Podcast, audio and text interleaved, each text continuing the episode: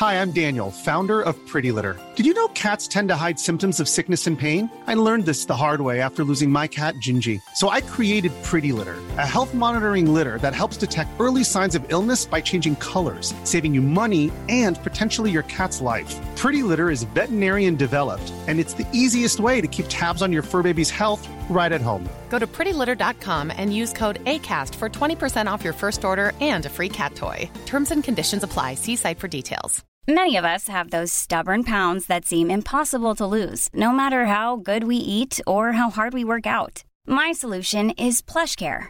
PlushCare is a leading telehealth provider with doctors who are there for you day and night to partner with you in your weight loss journey. They can prescribe FDA-approved weight loss medications like Wagovi and Zepbound for those who qualify. Plus, they accept most insurance plans. To get started, visit plushcare.com slash weight loss. That's plushcare.com slash weight loss. Life is full of awesome what ifs, and some not so much, like unexpected medical costs. That's why United Healthcare provides Health Protector Guard fixed indemnity insurance plans to supplement your primary plan and help manage out of pocket costs. Learn more at uh1.com. I'm Sandra, and I'm just the professional your small business was looking for. But you didn't hire me because you didn't use LinkedIn jobs. LinkedIn has professionals you can't find anywhere else, including those who aren't actively looking for a new job but might be open to the perfect role, like me.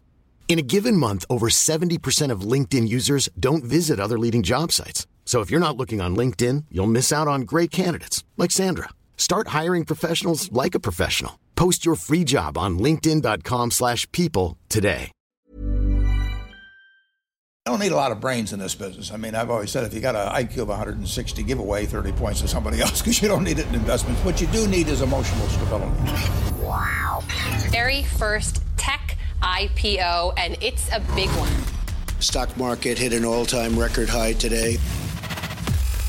A crash is coming. Now, whether it's six months from now, 12 months, 36 months, no one knows. There's a bear market about every five years. We've gone eight years without one. People have to realize this is the biggest IPO ever. Hej och välkommen till ett nytt avsnitt av Market Makers. Coronaviruset härjar på Fabian, har du blivit drabbad än? Uh, jajamensan. Senast nu i helgen så avnjöt jag en bira med lime. Det är det du menar va? Kul, det var ett nytt skämt. det är lite obehagligt alltså. Det är ju fruktansvärt mycket saker som delas på Twitter till exempel om väldigt mycket konspirationsteorier. Till exempel har det uppmärksammats att det finns någon form av eh, labb i Wuhan som eh, forskade egentligen på, på vad heter det?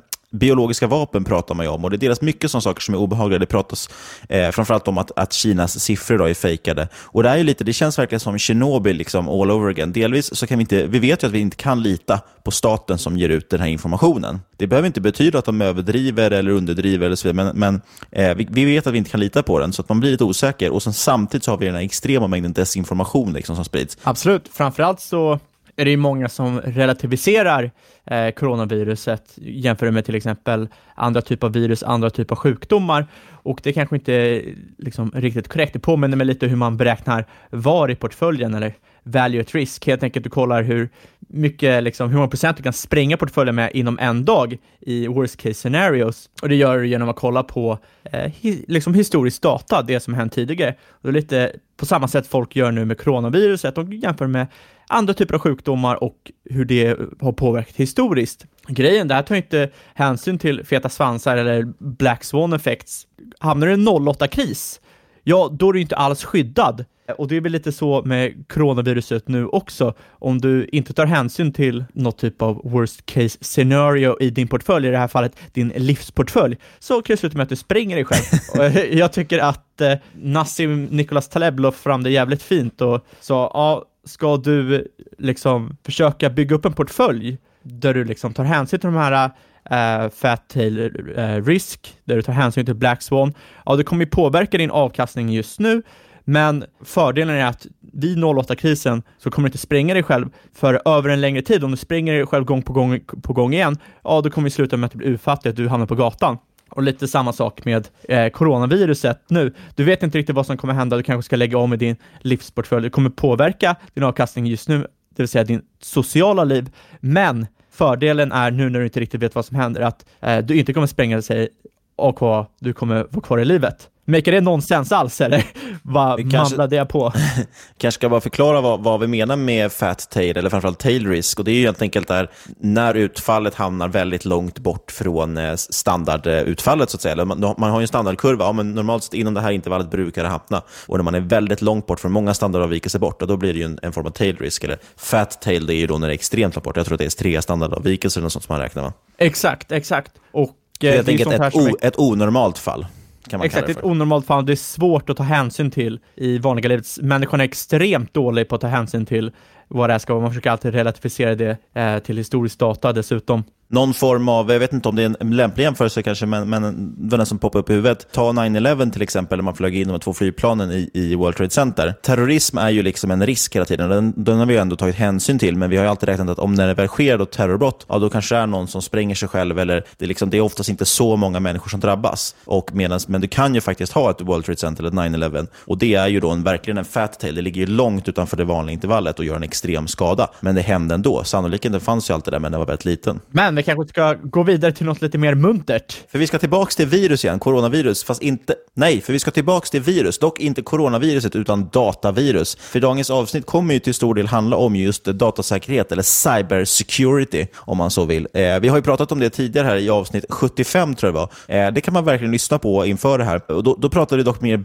vitt och brett om marknaden, liksom det top-down-perspektivet. Hur ser branschen och sektorn ut? Jag tyckte dock inte riktigt att vi liksom landade i några tydliga case, så därför har jag nu plockat upp eh, en del sådana då, så det blir väldigt mer konkreta. Och framförallt tycker jag att jag börjat hitta lite mer så kallade pure plays, det vill säga folk, bolag som verkligen är exponerade mot just det här. Men- Så det ska vi prata om, men vi kommer också komma in på andra saker. Men vadå, datavirus? Det är väl bara att köpa en Mac? De får väl inte virus? Precis, och det är ju största caset, det är Apple. men apropå Apple, de är ju en stor del av S&P 500, eller?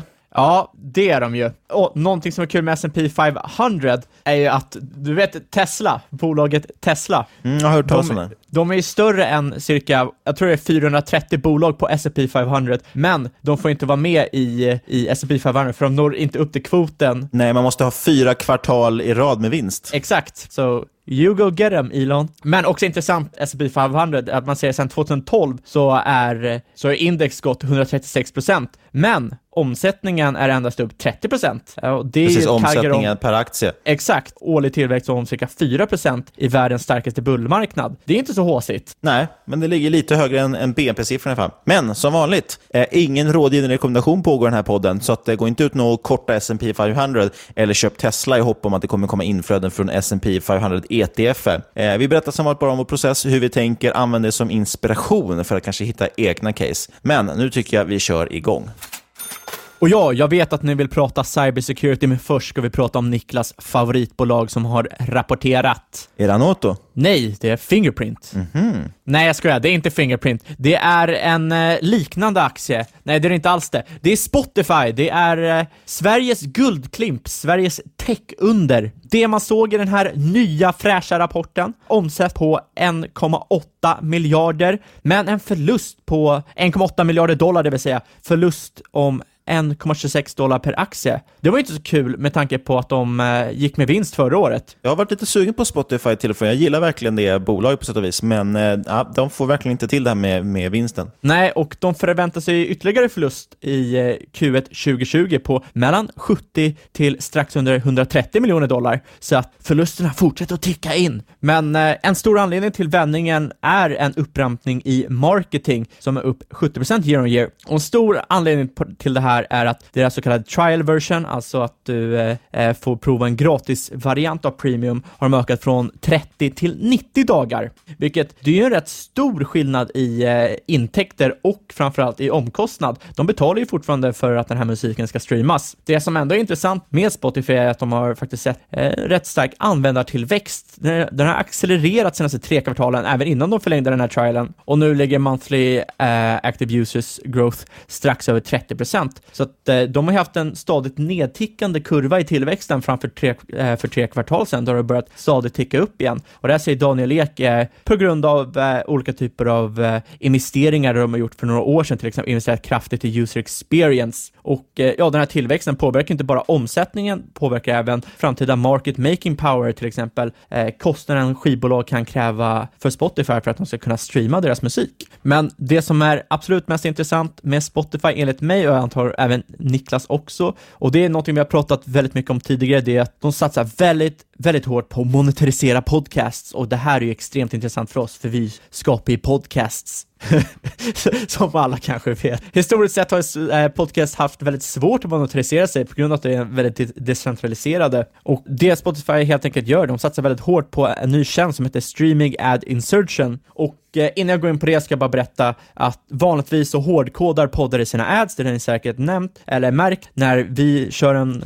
eh, ad i Market Maker så har vi snackat in den i förhand och eh, går ni tillbaka och lyssnar på ett år gammalt avsnitt där det är samma reklam som spelas. Och Eh, det är väl inte superoptimalt och det här tycker ju inte till exempel Spotify heller. Och framförallt eh, reach, alltså eh, hur många det här har visat till, är inte heller så jättebra. Det är inte så granulärt. Det, för att avgöra det här kollar man på antalet nedladdningar för podden och det är kanske inte liksom, optimalt det heller. Det Spotify har gjort med sin nya streaming ad insertion är att skapa möjlighet att planera, rapportera och, och mäta podcast med en helt annan granularitet, alltså en helt annan eh, eh, mängd data. Du får ju ad impressions, alltså hur många gånger reklamen har synts, du får frequency, hur många gånger en eh, lyssnare har hört reklamen, du får reach, hur många gånger det här visas till och så får du även anonymiserad lyssnardata som ålder, kön, vilket device de har lyssnat på. Kommer helt enkelt, eller ja, du får helt enkelt en helt ny möjlighet att skapa reklam i podcasts. Det innebär till exempel att det går att individualisera adstreams eh, eftersom allting kommer gå via Spotify och de har full kontroll över datan. Enligt Spotify själva är det här första gången den här typen av data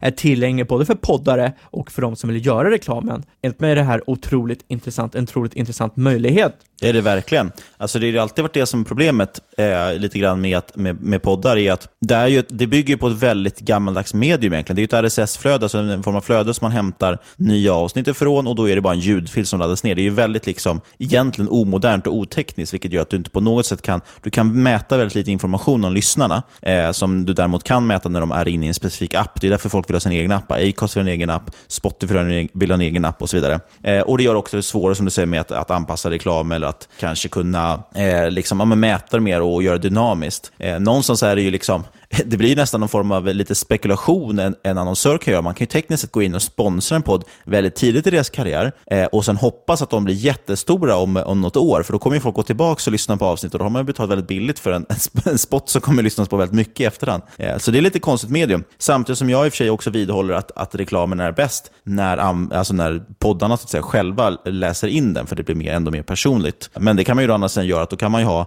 tre olika sponsorer på ett avsnitt och så läser man in alla tre och så klipps det in olika beroende på vilken målgrupp det är som lyssnar. Nej, otroligt intressant. Spotify gör väldigt mycket innovativt i, det här, i den här branschen. Fall. Absolut. Och bara poängtera också att det här är för Spotifys egna podcast i första hand och inte för tredje För det krävs ju att du lyssnar i deras app, precis som vi pratade om. Exakt, och eh, framförallt vill de ju få in liksom, exklusiva podcasts som de första möjlighet. Men över till, tid vill de att tredjeparts podcast ska kunna ansluta till Spotify som ska kunna liksom monetarisera hela podcastvärlden.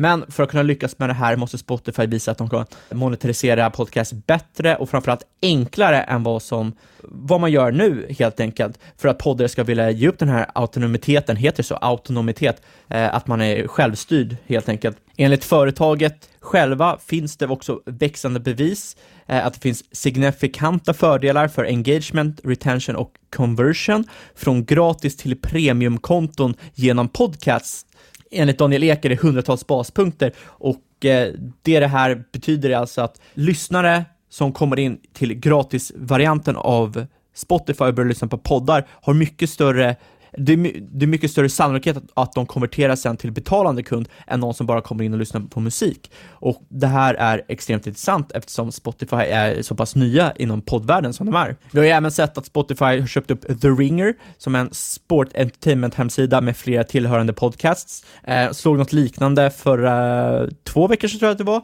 när Penn National köpte in sig i Barstool Sports, eh, också en entertainment hemsida för sport. Och eh, troligtvis kommer vi se nya exklusiva Spotify podcasts från The Ringer.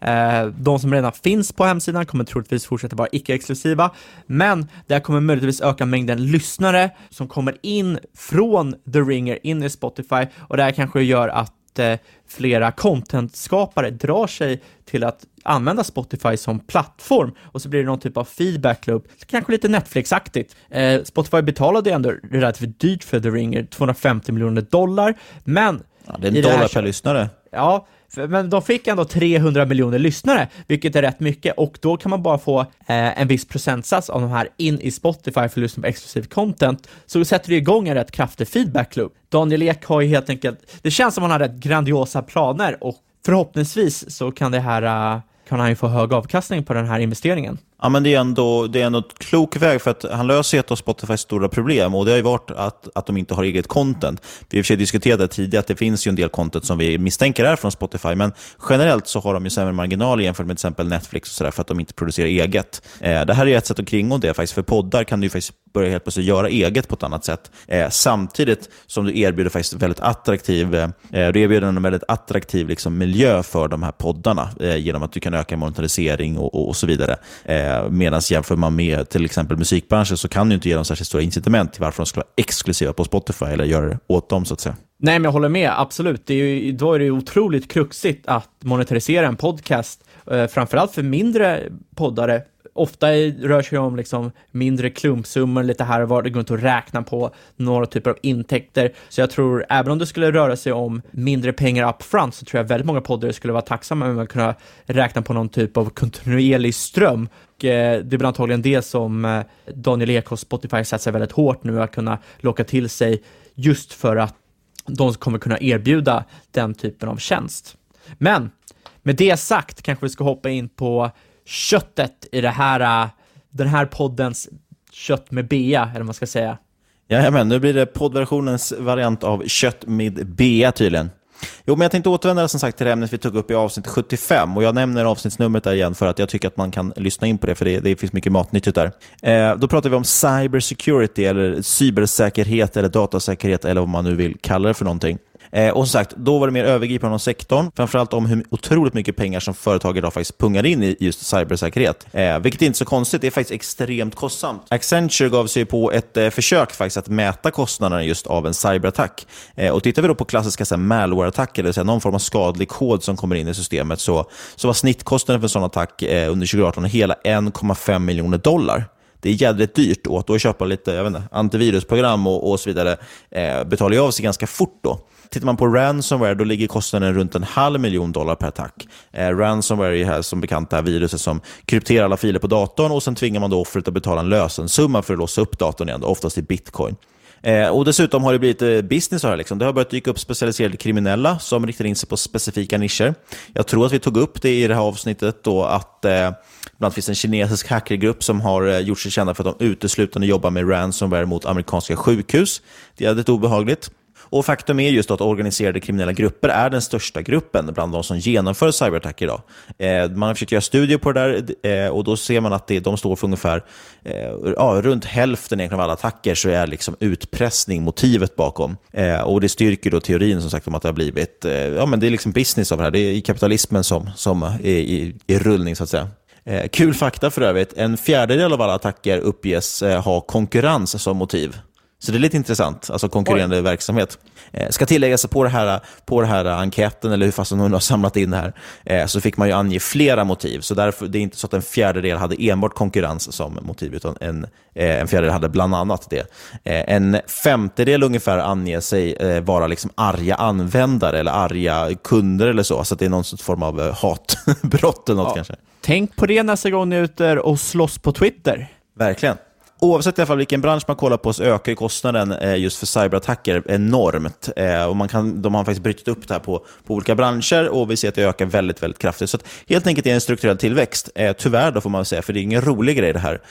Men det borde ju såklart vara mumma då för bolagen som jobbar för att skydda oss. Tittar man på, vi, vi, vi, kan plocka tillbaka några siffror vi hade i avsnitt 75. Då tittar vi bland annat på Gartner, den här researchfirman som vi pratar så mycket om. De försökte ju då titta på vad, vad marknaden för informationssäkerhet uppgår till. Eh, och då, den beräknar man uppgå till hela 114 miljarder dollar eh, under 2018. Och Det var en ökning från 2017 på över 12 procent. Eh, för 2019 nu låg prognosen på runt 124 miljarder dollar, det en ökning på ytterligare 10 procent. Så det är väldigt starkt, eh, stark, stark tillväxt. Och Något som var viktigt som vi tog upp då, det var att den, den del som har sämst egentligen tillväxt är ju konsumentskydd, det vill säga antivirus för privatpersoner. Eh, kanske just för att de inbyggda blivit så mycket bättre. My, eh, Windows har en väldigt bra i Windows Defender och Mac som, som många vet så köper folk inte ens antivirus till för att det har funkat rätt smidigt ändå. Eh, men kom ihåg det i alla fall, vi kommer komma tillbaka till det. Eh, det som växte absolut starkast dock, det är ju molnsäkerhet. Det är upp över 64 procent 2018. Eh, runt 20, 2019 förväntades det växa med 50 procent. Jag vet inte exakt vad den siffran landade på sen. Så det är väldigt, väldigt kraftigt. Eh, och Jag tror faktiskt, det finns en anledning till det också, jag tror att majoriteten av företag eh, de skyddar sig framförallt idag mycket genom att de outsourcar. Jag pratade mycket om det i, i det avsnittet också, att jag, eh, aktörer som Microsoft, Alphabet och så vidare, de här som faktiskt erbjuder ty olika typer av molntjänster för företag, eh, det, de har ju musklerna att slåss mot den här typen av, av cyberattacker och så vidare. Eh, och Du kan då som litet företag, är det inte värt att själv ta in någon form av IT-säkerhet, utan du köper helt enkelt molntjänster, du kan lägga dina filer så ska de vara skyddade där. Eh, men jag har som sagt försökt då att eh, vaska fram ändå en del lite, lite mer rena bets så att säga också. Men som jag sa då också i det avsnittet, jag ska snart sluta upprepa mig om det här det avsnittet, eh, men det är lite svårt dock att hitta bolag, för det är många som går med förlust, eller så är de sjukt dyra. Tittar vi till exempel då på de största innehaven i, i den här cybersäkerhets-ETFen, eh, som har tickern Hack. Väldigt coolt. då ser vi att ungefär hälften går med förlust, och endast drygt hälften gör ju ens ett positivt rörelseresultat. Så det är ju det, det är mycket omsättningstillväxt, men inte så mycket vinst i de här bolagen. Eh, för de som faktiskt har vinst, så är vinsttillväxten väldigt imponerande imponerande dock. Snittet är 74 procent för de senaste tre åren, men det är framförallt tack vare ett enda bolag som har levererat just en helt sanslös vinsttillväxt på närmare 300 procent de senaste tre åren. Och Då blir man ju nyfiken, vad är det för bolag, eller hur? Jajamensan, undrar vad det kan ja. vara för någon. Ja, och det leder oss in på dagens första bolag, för det är nämligen Fortinet. Det var väldigt fint uttal det hade. Väldigt såhär finskt. Det låter som att det skulle kunna, ja, det låter som att skulle kunna finsk. Vi kommer bara prata om, om, i princip bara prata om Nasdaq-bolag. Det är där, där de här bolagen huserar. Eh, Fortinet i alla fall, det är, jag har upplevt att det är lite av en snackis, men jag tror att det har att göra med den lilla bubblan jag befinner mig i på Twitter. Eh, för den har bara 253 ägare hos Avanza. Jag vet inte, har du hört talas om bolaget tidigare? Jag har också hört talas om bolaget tidigare just på Twitter. Och det gör man alltid liksom lite fundersam. Var, vart finns alla ägare någonstans? De kanske finns på eh, Nordnet och vi har bara inte kikat. Så kan, så kan det vara faktiskt, det vet man inte. Eh, eller så har de framförallt amerikanska ägare och några få då i Sverige. I alla fall listade på Nasdaq, som jag sa. Eh, det kommer återkomma, för nästan alla bolag här är väl listade på Nasdaq. Eh, det är trots allt ett väldigt tekniktungt index. Eh, Fortinet är till skillnad från Tesla en del av indexet S&P 500. Och Fortinet låter inte bara likt Fortnox, det är också en väldigt hög vinstmultipel. Enligt börsdata betalar man P 63 för Fortinet. Tittar vi däremot på Seeking Alphas framåtblickande P, alltså vad man tror att det kommer ligga ett, ett år fram, ja då ligger det fortfarande ganska höga, men lite mer på Destar 43. Och market cap ligger på runt 20 miljarder miljarder dollar. 43 är väl eh, hyfsat med tanke på den enorma vinsttillväxten i alla fall uppvisat de senaste åren. Det har ju varit lite av en, av en raket i eh, vinstområdet där. Ja, men så är det. Och eh, eh aktien i sig också är upp 45 procent på ett år. Alltså, och Det kan man tycka är rätt välförtjänt med tanke på just den här otroliga tillväxten. Eh, man har snittat 20 procent per år i omsättningstillväxt de senaste tre åren. Eh, alla sådana när vi pratar om, om, om eh, tillväxtsnitt, alltså kagger, då, då, då, kommer jag hålla mig till tre år, så vet ni det. Eh, Q4 för Fortinet kom in i början på februari, höll samma snitt. Eh, och Dessutom har man fått en rejäl marginalökning nu de senaste två åren. Och det är det som har gjort att vinsten verkligen har skjutit iväg. Eh, vilket såklart gör att folk blir mer intresserade av bolaget då och driver aktiekursen uppåt. Sen är frågan om man kan fortsätta, hålla, fortsätta förbättra marginaler. Det är väl den svåra, svåra frågan. Det är nog eh. svårt, men man, så, som du säger med just omsättningen, det ser ju nästan, för alla er som åkt skateboard någon gång och eh, vet hur en ramp ser ut, ja, du behöver väl inte åka skateboard för att veta hur en ramp ser ut, kommer jag på när jag säger det. Väldigt dumt sagt. Men eh, ungefär så ser omsättningen eh, per aktie ut. tickar ju stadigt uppåt, vilket är otroligt eh, intressant för den här typen av bolag. Eh, Mm. Egentligen för alla typer av bolag. Och sa, sam, samma sak med marginalexpansionen vi har sett, framförallt i bruttomarginalen som är extremt hög och rörelsemarginalen som har börjat återhämta sig efter ett Eh, liksom, noll, nollår för eh, några år sedan. Men det är faktiskt eh, det är väldigt fina siffror. Om man tänker att bruttomarginalen som du nämnde, den ligger på 76 procent. Det är otroligt högt. Man har 15 procents vinstmarginal, närmare 100 procent avkastning på kapital och dessutom en rejäl nettokassa. Så det är liksom ett, ett kvalitetsbolag, och speciellt med tanke på historiken man har. Jag menar, man har funnits, man har varit verksamma i 20 år. Man har bland annat en tidigare NSA-chef som CIO. Och det, är liksom, det är inga duvungar ändå i det här bolaget, så det är faktiskt riktigt intressant. Eh, men det är kanske är någonting, då, om man inte diggar höga multiplar, så kanske det är någonting man ska köpa på en, en dipp. Då, så att säga. Just nu ligger de ju verkligen, allt är ju rätt, liksom, så att säga, och då, då blir det ganska dyrt. Och, och Vi har inte nämnt någonting om vad de gör egentligen. Vi, vi kommer tyvärr inte gå in så jättemycket på de här bolagen, för att det, det tar alldeles för lång tid att förklara vad de, vad, vad de sysslar med, de här bolagen, känns det som. Alla i alla fall är verksamma inom någon form av säkerhet. Jag kommer försöka kort i alla fall förklara det. Eh, Just Fortinet bygger en mängd utrustning inom cybersäkerhet. Det handlar om brandväggar, antivirus och så vidare. Mycket programvara liksom, helt enkelt som ska ut och snurrar. För deras första, och det tror jag fortfarande kanske en stor produkt, är ju Fortigate, tror jag den hette. Så det är helt enkelt mjukvara för att, att skydda sig liksom, inom datasäkerhet. Då. Eh, och jag tänkte faktiskt, vi ska ändå plocka upp ett konsumtions, eh, eller konsumentinriktat bolag, eh, nämligen Symantec. De känner du till va? Ah, det vet jag fan om jag gör alltså. Du, ja, du kommer känna igen deras produkt i alla fall. Eh, det är ett extremt välkänt bolag, men de har hållit på att splittat upp sig och, och hela tittar man på historiken så ser det ut väldigt snurrigt ut. Eh, men de är ju helt enkelt skaparna bakom Norton Antivirus. Det måste Det du känna till. igen. Precis, och alla har ju sett Och den här nu- loggan med den här lilla Nu checkboxen. när man go googlar på det så känner man igen loggan också. Precis. Det är helt enkelt så att eh, så det är lite stökigt dock att följa det här bolaget, för de har gjort, eh, dels har de gjort, själva gjort extremt mycket förvärv genom åren. Det här har gjort ett jättekonglomerat, eller inte jättekonglomerat, men ett, ett stort, stort bolag. Eh, men nu har man börjat sälja av grejer istället, renodla och splitta upp och, och så vidare. Eh, slutet av 2015 gick man bland annat ut med att man skulle dela bolaget i två. Den ena halvan blev något som heter Veritas Technologies. De sysslar med information management. Eh, den halvan sålde man sen till The Carlyle Group, kända investerare. Eh, och själva cybersäkerhets delen då, den blev kvar i Symantec. Så då man renodlade lite grann. Men ganska kort efter det, så, så eh, nu under 2019 faktiskt, så köpte ju Broadcom loss Enterprise Security-delen, det vill säga företagsbiten. Så nu har man ytterligare renodlat att det, det bolag som finns kvar idag har egentligen bara privata konsumenter. Alltså det är Norton Antivirus man säljer egentligen. Eh, och därför har man också bytt namn. Då, så nu heter man tydligen Norton LifeLock. Jättekonstigt namn tycker jag. Eh, handlas på Nasdaq, ticken NLOK, alltså NLOK. Och sagt, det blir lite svårt att titta på historiken här, men, men kollar vi framåtblickande eh, PE till exempel, ja, då ligger det på, på 25 då, ungefär för 2020.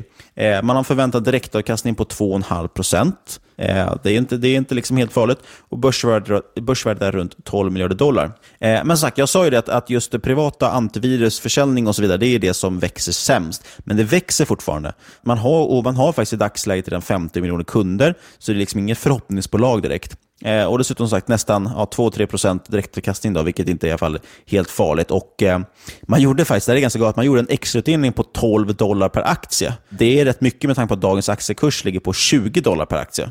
Och Det var just för att nu eh, man renodlade och sålde ut då en, en ytterligare del av, eh, av bolaget och då delar man alltså ut totalt 8 miljarder dollar. Och med, tan- och med tanke på att börsvärdet är 12 miljarder dollar så är det rätt imponerande. Ja, det, det jag undrar här är att liksom, den kundbas de har bland privata konsumenter, vad utgörs den av nu för tiden? För jag vet ju i alla fall för en eh, 20 år sedan, då hade ju alla Norton antivirus och eh, för tio år sedan, ja då hade ju alla i vår generation slutat använda det. Eh, då höll ju våra föräldrars generation på med det och nu vet jag, nu känner jag ingen som använder något typ av antivirus, eh, framförallt inte Norton. Nej, förutom det inbyggda. Exakt, förutom det inbyggda som säkert många inte ens vet om att det finns. Jag, jag, jag tror helt ärligt, och nu spekulerar jag vilt här, men jag, min, min erfarenhet liksom, och, och det jag observerat är att jag tror att det är mycket av de här kunderna, det är, det är samma typ av personer som klickar i att man vill ha, eller går med på att man vill ha en försäkring när man går och köper liksom, en ny telefon. Eh, går man och köper en ny dator någonstans på typ Elgiganten och så då liksom kommer det komma som en fråga också, ah, vill du ha ett antivirus till också, hålla din dator skyddad? Och, och då säger de de som kanske, jag ska inte säga mindre kunniga, men mindre liksom, eh, har, inte, har inte koll kanske helt på det tekniska, kommer ju då säga bara, ja, ja, men det låter ju bra, det låter ju säkert och bra. Kan även tänka mig att många faktiskt småföretag, så enmansföretag och sånt, de köper säkert till någon form av antivirus för de tänker att då är vi skyddade, liksom, fast de köper det på en privatlicens och så vidare. Så jag tror att det är mycket, det, jag, som sagt, inte jätte, jag är inte jätteintresserad av den, den sektorn, för jag tror inte den har jättemycket tillväxt. Alltså det där var intressant. Eh, men bolaget, ja. Det du, om små, småbolag, Eh, jag undrar om det hjälper väldigt mycket mot eh, eh, legala grejer, till exempel om du hanterar olika typer av kunddata eller eh, whatever. Du har tagit alla typer av, eh, eller inte alla typer, men, men du har tagit någon typ av, eh, du har gjort någon typ av försäkring om att du inte ska bli utsatt för virus, eller du har tagit något typ av steg för att försöka förhindra det här, så att om du blir drabbad av virus eller liknande, då kan du peka, ja ah, men vi har ju faktiskt använt Norton antivirus. Till skillnad mot om du inte skulle ha använt det, då kanske ur en legal synpunkt hade det varit eh, en helt annan femma. Du skyddar dig på det sättet snarare än kanske mot virussättet. Ja, jag vet inte. Jag, jag tror faktiskt helt att det, det, många av de som har Norton antivirus, jag tror ändå mycket bygger lite faktiskt på okunskap. Jag har ibland stött på folk som har Norton antivirus på, på, sin, eh, på sina Apple-datorer också. Eh, och, och, Då får man dessutom en, en härlig, liksom, då, då kör den över, så man använder inte Google längre, utan då använder man Norton typ antivirus-sök, eller vad den kallas för. Så man liksom Safe Search, tror den heter. Det är, bara, det är så mycket grejer som gör att datorn blir segare och sämre egentligen bara. Eh, skitsamma, poängen är i alla fall att, att Norton kan vara ett intressant case om man, om man är intresserad av någonting lite mer stabilt. Det växer ändå på lite grann. Men ja, omsättningen är nästan flat nu när man släppte Q3 i februari. Eh, och Samtidigt visar man ju dock upp en kundtillväxt för första gången på två år. Eh, så jag, det är inget supersexigt case där, men det är ändå liksom, dels är det en pure play om man nu vill vara, komma mot privatmarknaden mer. Eh, och man har faktiskt man har ändå en, en liten utdelning, en liten svag tillväxt, schyssta kassaflöden och framförallt tror jag att man kanske kan fortsätta göra ännu mer sådana här redovisningar. Det kanske finns fortfarande en del gamla förvärv som man kan göra sig av med och få ytterligare extrautdelningar. Så. Dessutom har man faktiskt ett, ett, ett hyfsat stort återköpsprogram som håller på att rulla då också. Eh, så att, eller som man precis dragit igång, förlåt. Eh, så att det, det, kommer ändå finnas lite tryck här liksom, och, och, pengar som ska rulla ut till aktieägare. Eh, så det kan ändå, kan ändå vara intressant tycker jag. Nu vill jag gå till någonting som jag tycker är riktigt, riktigt intressant. För det här är det första bolaget som inte har blod, eller det här är liksom en av få bolag som inte har blodiga multiplar i den här sektorn. Och det är ett bolag som heter Checkpoint Software. Eh, de tror jag inte många känner till. Nej, inled då med vad det handlar om. Vad är mm. Checkpoint Software? Precis, Checkpoint Software eh, ticker CHKP. Det här är alltså ett bolag som, är, eh, som inte alls är dyrt. De handlas till PE22. Och Det får man ändå säga är billigt för bolag som är helt rätt bransch. De, eh, bolaget i sig växer stadigt 8-10% per år och vinsten utvecklas i samma takt. Så de är alltså lönsamma och tickar på stadigt, stadigt uppåt. EV-EBIT ligger 16. Alltså man, det är mycket man kan titta på här. Fina marginaler. Bruttomarginal ligger på närmare 90%. Det är ganska galet. Absolut. Eh, vinsten ligger kring 41 procent. Eh, 30% avkastning kapital, rejäl, rejäl nettokassa också. Eh, men aktien då, ja, den har legat flat ungefär senaste åren. Eh, vilket är rätt märkligt då som sagt. Eh, jag vet faktiskt inte riktigt varför man behandlar bolaget så svalt. Eh, jag tror att det kan vara så enkelt att eh, investerare hungrar lite mer efter tillväxt. Alltså man nöjer sig inte kanske med 8% per år. Eh, jag har sett en del analyser av mer privatinvesterare som tycker att ja, men, ah, de kommer inte svagt, eller de guidar svagt, eller de tyckte att eh, ja, men, den här del Billings ser svag ut eller så. Men ja, jag vet inte, det, växt, tuggar ju fortfarande på i, i rätt smaklig takt uppåt. Eh, jag kan 100% förstå det, för att kollar man på det här bolaget så här, Alltså otroligt fin kurva när det kommer till omsättningen, när det kommer eh, till vinsten. Kollar man på liksom lönsamheten, det, man börjar ju dregla när man kollar på liksom bruttomarginalen och vinstmarginalen. Extremt, kollar man på avkastning på eget kapital och totalkapital, extremt bra för det här typen av bolag. Men sen när man kollar på liksom vad man betalar för själva tillväxten, PEG ligger ju på 4.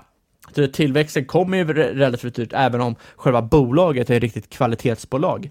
Eh, så jag förstår ju att marknaden kan, liksom, eller har tagit emot det här väldigt svalt. Samtidigt är det så konstigt det här, för, för då kan vi återigen jämföra med någon sån här, vet, jämför med ICA eller Axfood, då betalar du P 20-30 för någonting som växer kanske i bästa fall i, i snitt med inflation och liksom inflationen i landet. Eh, så jag menar, folk betalar ju ibland också premier för saker som är stabila.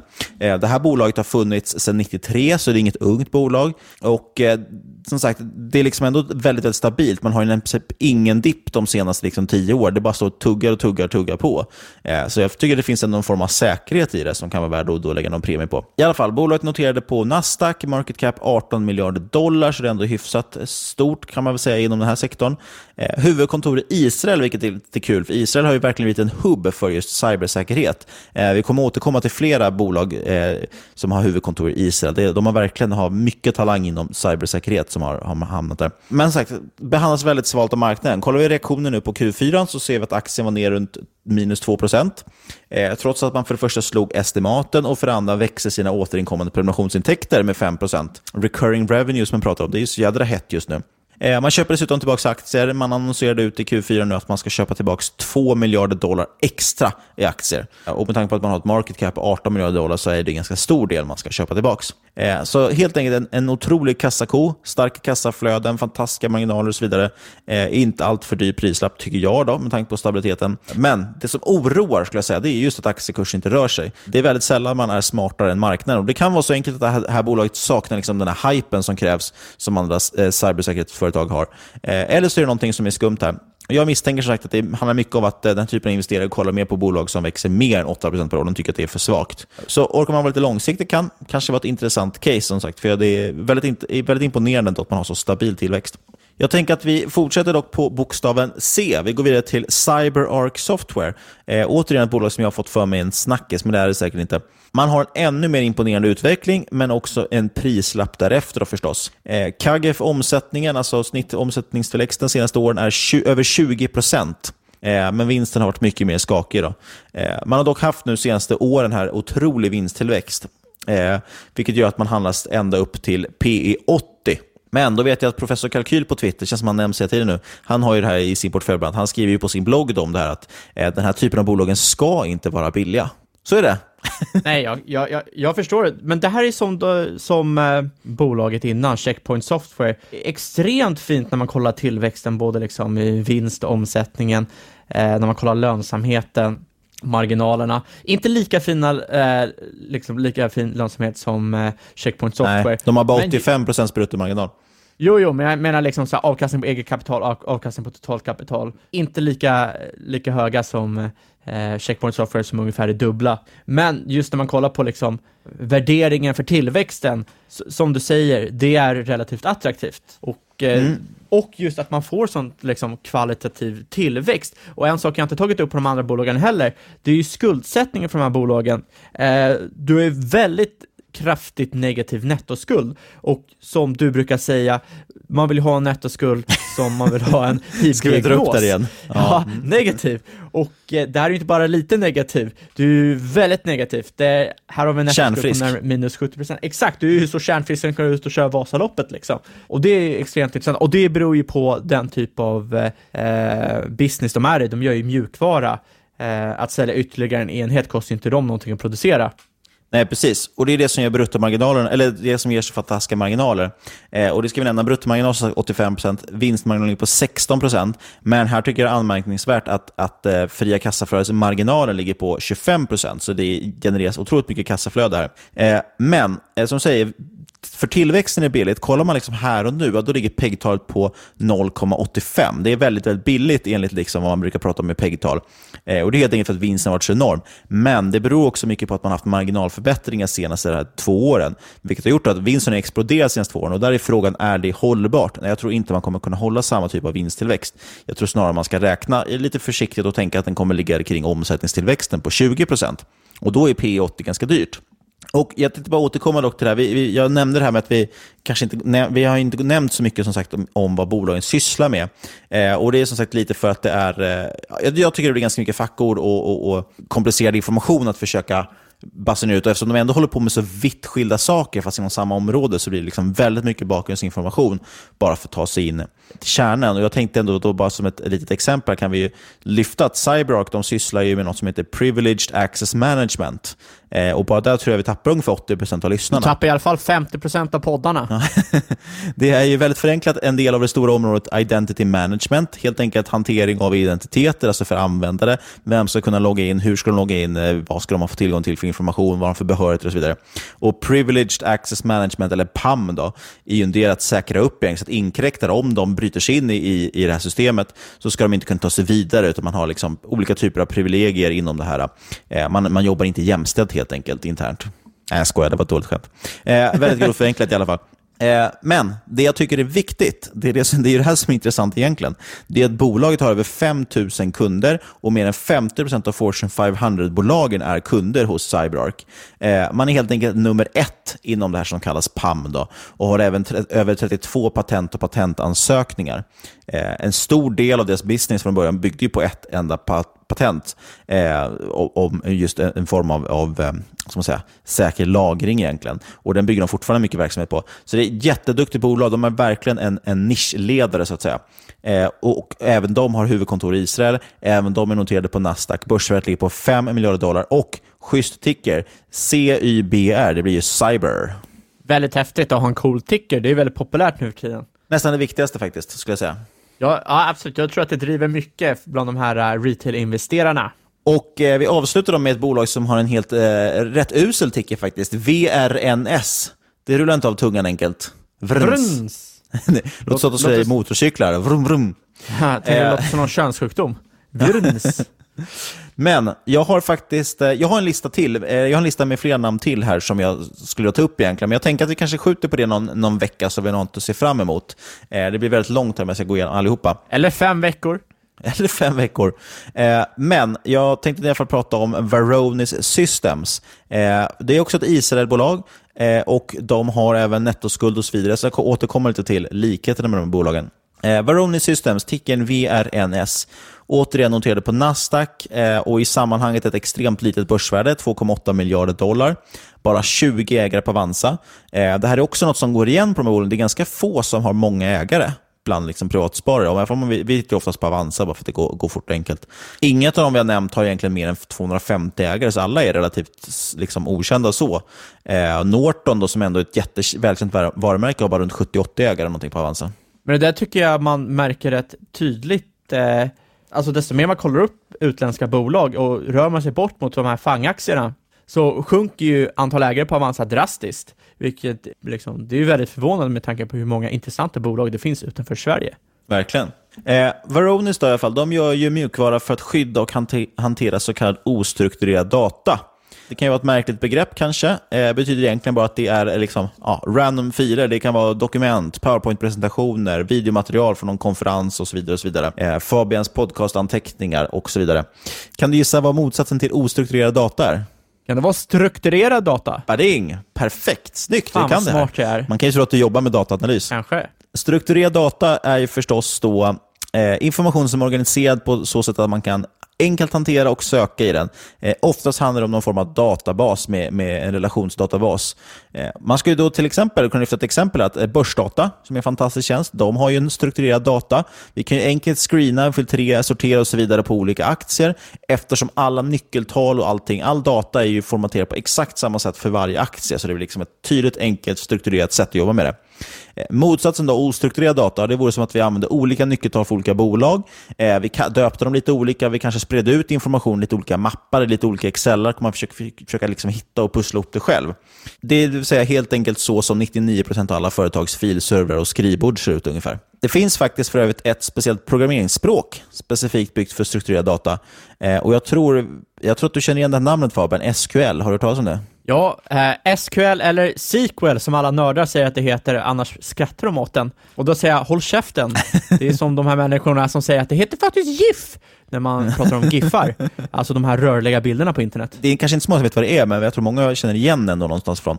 Eh, och det står ju faktiskt för just Structured Query Language, alltså ett språk för att ställa frågor i, mot strukturerad data. Query är som bekant ett ord för fråga eller in, inhämta information. Vilket är det vi vill göra då när vi gör SQL-anrop mot en databas. Eh, skulle vi aldrig kunna göra med ostrukturerad data. Väldigt, väldigt starkt momentum i den här aktien, det gillar jag. Upp drygt 40% på ett år och här är det framförallt omsättningstillväxten tror jag som man suktar efter. Man släppte faktiskt sin Q4 bara igår. Eh, vi spelar in nu på tisdagen, eh, 11 februari. Eh, och man levererade lite mindre förlust än för 2018, men alltså fortfarande då förlust. Eh, aktien var ner runt 2% här vid öppningen i alla fall. Eh, det man kom in på lite svagare, det är väl en del punkter och framförallt ser omsättningen lite svagare ut för 2018, om jag nu har räknat rätt här då. Eh, tittar man eh, senaste tre åren ligger ju liksom årliga tillväxttakten på runt 10 Eh, men enligt estimaten då hoppades ju delvis marknaden på, på högre tillväxt, men framförallt också eh, att resultatet skulle vara lite närmare break-even än vad det var nu. Eh, så det var lite synd och jag hoppas verkligen taktar man in på tillväxttakten, det är ju extremt farligt för den här typen av bolag. Annars tycker jag faktiskt att det här är ett rätt eh, kul och spännande bolag. Det är det absolut, det är extremt spännande. Eh, men som du säger, det är liksom, till skillnad mot de andra bolagen så ser det inte lika fint ut finansiellt, eh, utan man får helt enkelt gå på den fina omsättningstillväxten och ha mycket förhoppning att de kan vända skutan i det andra. Ja, men precis. Det är väl det som det här hade byggt lite på det caset. Och de är ganska mycket mindre, så det finns ju liksom en, en liten mer språngbräda där. Jag har ju som sagt eh, sparat nu några namn framåt, då, men det som är väldigt gemensamt för alla de här bolagen, som är tydligt, det är att väldigt många är baserade i Israel. I princip alla är noterade på Nasdaq. De har nettoskuld, ofta hög nettos, eller förlåt, negativ nettoskuld, alltså ofta nettokassa egentligen. Eh, fin tillväxt, men också då höga multiplar och väldigt få svenska ägare. Så det är roliga bolag. Och jag tänkte faktiskt, bara för att vara tydlig, det är ofta folk, eh, eller det, jag tror att det är lätt kanske att missa vad det var vi pratade om, så jag tänkte jag bara skulle recapa här och säga att vi pratade om Fortinet. Det är nog bra. det är nog bra. Fortinet, de har ju ticken FTNT, kan man kika på det. Norton LifeLock, alltså det som tidigare var Symantec, de har ju en lock, en LOK. Sen pratar vi om Checkpoint Software som jag tycker ser billigt ut, men där får man in och kolla själv och se att det är en ganska sval graf, så att säga. De har ticken CHKP. Eh, Cyberark gillar jag också. De får man någonstans ändå ge en liten guldstjärna för att de sticker ut här som någon form av favorit. Eh, CYBR har de som tycker. Och sist Vågar... pratar vi om Varonis då, som är lite mindre, VRNS. Vågar du säga att de får guldstjärna nu när du kan rygga på en så kallad Twitter-profil? jo, men jag vågar faktiskt säga att de har en liten guldstjärna. Det säger ju ingenting om hur de kommer gå framöver, men tittar vi historiskt, vilket vi gör nu, så är, har de verkligen levererat eh, och aktien har också gått väldigt bra. Men det var väl det. Och då tänkte jag, eftersom vi pratar om höga multiplar, så ska jag avsluta med lite citat här från eh, Gartman. Vi har ju pratat om hans eh, tradingregler och så vidare. Eh, då sa han nämligen så här. We are not in the business of buying low and selling high. We are in the business of buying high and selling higher. Boom chakalaka! Ja, men han gillar ju helt enkelt att köpa saker som är dyra, men sälja dem dyrare till någon annan. Köp det som går upp, är det han säger. Och det är väl det man måste anamma om man ska in i den här typen av bolag. Om man nu är sugen på det. Det är inte någonting för alla förstås. För man ska alltid som vanligt göra sin egen analys. Och det ska du berätta mer om nu Fabian. Inget du hört i den här podcasten ska ses som rådgivning. Alla åsikter är våra egna, eller vår gäst och eventuella sponsorer tar inget ansvar för det som sägs i podden. Tänk på att alla investeringar är förknippade med risk och sker under eget ansvar. Med det sagt glömde jag att vi inte har dragit en innehållsförteckning. Ska vi göra det lite snabbt? Äger du något av de här bolagen som vi har pratat om idag? Nej, gör du? Det gör jag faktiskt inte. Inte av de här uh, cybersäkerhetsbolagen och jag äger inte Första Spotify gången heller. någonsin. jo, men faktiskt, jag börjar få slut här på, på pengar nu faktiskt. Jag vet inte vad jag ska handla för längre. Du kanske får swisha mig någonting sen. Ja, men det, du, du kan ju ta sådana sms-lån. Mm, just det, det är faktiskt sant. Då får du bara pengar, pengar direkt i mobilen. Det är faktiskt sant. Jag ska, jag ska fundera på den saken. Eh, kontakta oss jättegärna på podcast.marketmakers.se eller på Twitter at marketmakerspod. Och vad ska man skriva då? då? Jo, man kan ett, man kan skicka in frågor. För nu på söndag ska vi spela intervju med Sofokles på Twitter om hans nya bok om börspsykologi. Så skicka alla era bästa frågor om psykologi till, till det. Och annars kan man bara skicka ett hej. Vi får massa spännande, roliga frågor om allt möjligt faktiskt på både mail och Twitter. Det är kul. Eh, jag har ju dessutom öppen inbox på Twitter, så många skriver till mig. Ibland skriver folk till mig för att de vill få tag på dig Fabian. Bara hint till det. Vill man skriva specifikt till Fabian kan man ju skriva till fabian.marketmakers.se så, så slipper jag agera någon slags brevbärare emellan. Ja, jag vet ju faktiskt inte om man öppnar upp den här inboxen eh, som någon mer teknisk än mig vill förklara det här, för Niklas vägrar, så eh, får ni jättegärna höra av er via mail. Eller tagga in Fabian på Twitter, för det går inte att DMa honom i alla fall. Eh, sist men absolut inte minst, vi säger stort, stort tack för att du har lyssnat och vi hörs igen om en vecka om vi inte blivit hackade innan dess. Peace out!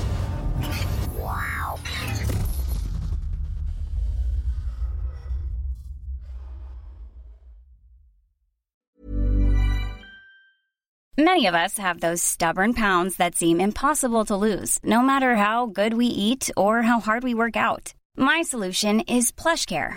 PlushCare is a leading telehealth provider with doctors who are there for you day and night to partner with you in your weight loss journey. They can prescribe FDA-approved weight loss medications like Wagovi and Zepbound for those who qualify. Plus, they accept most insurance plans. To get started, visit plushcare.com slash weight loss. That's plushcare.com slash weight loss. Quality sleep is essential. That's why the Sleep Number Smart Bed is designed for your ever-evolving sleep needs. Need a bed that's firmer or softer on either side? Helps you sleep at a comfortable temperature? Sleep Number Smart Beds let you individualize your comfort so you sleep better together. JD Power ranks Sleep Number number 1 in customer satisfaction with mattresses purchased in-store. And now, save 50% on the Sleep Number limited edition Smart Bed for a limited time. For JD Power 2023 award information, visit jdpower.com/awards. Only at a Sleep Number store or sleepnumber.com.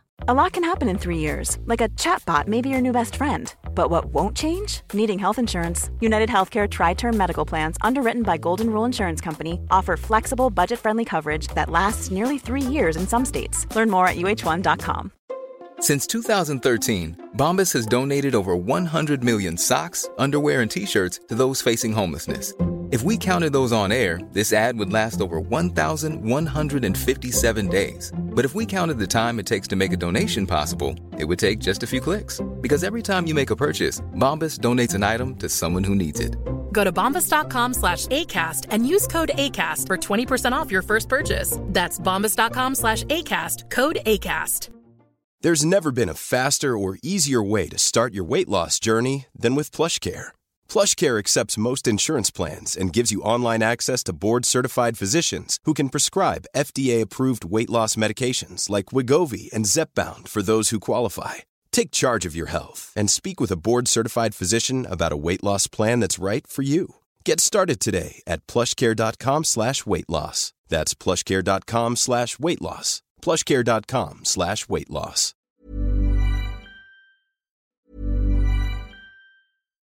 Hi, I'm Daniel, founder of Pretty Litter. Cats and cat owners deserve better than any old-fashioned litter. That's why I teamed up with scientists and veterinarians to create Pretty Litter.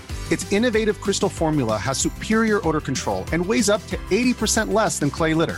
Pretty Litter even monitors health by changing colors to help detect early signs of potential illness. It's the world's smartest kitty litter.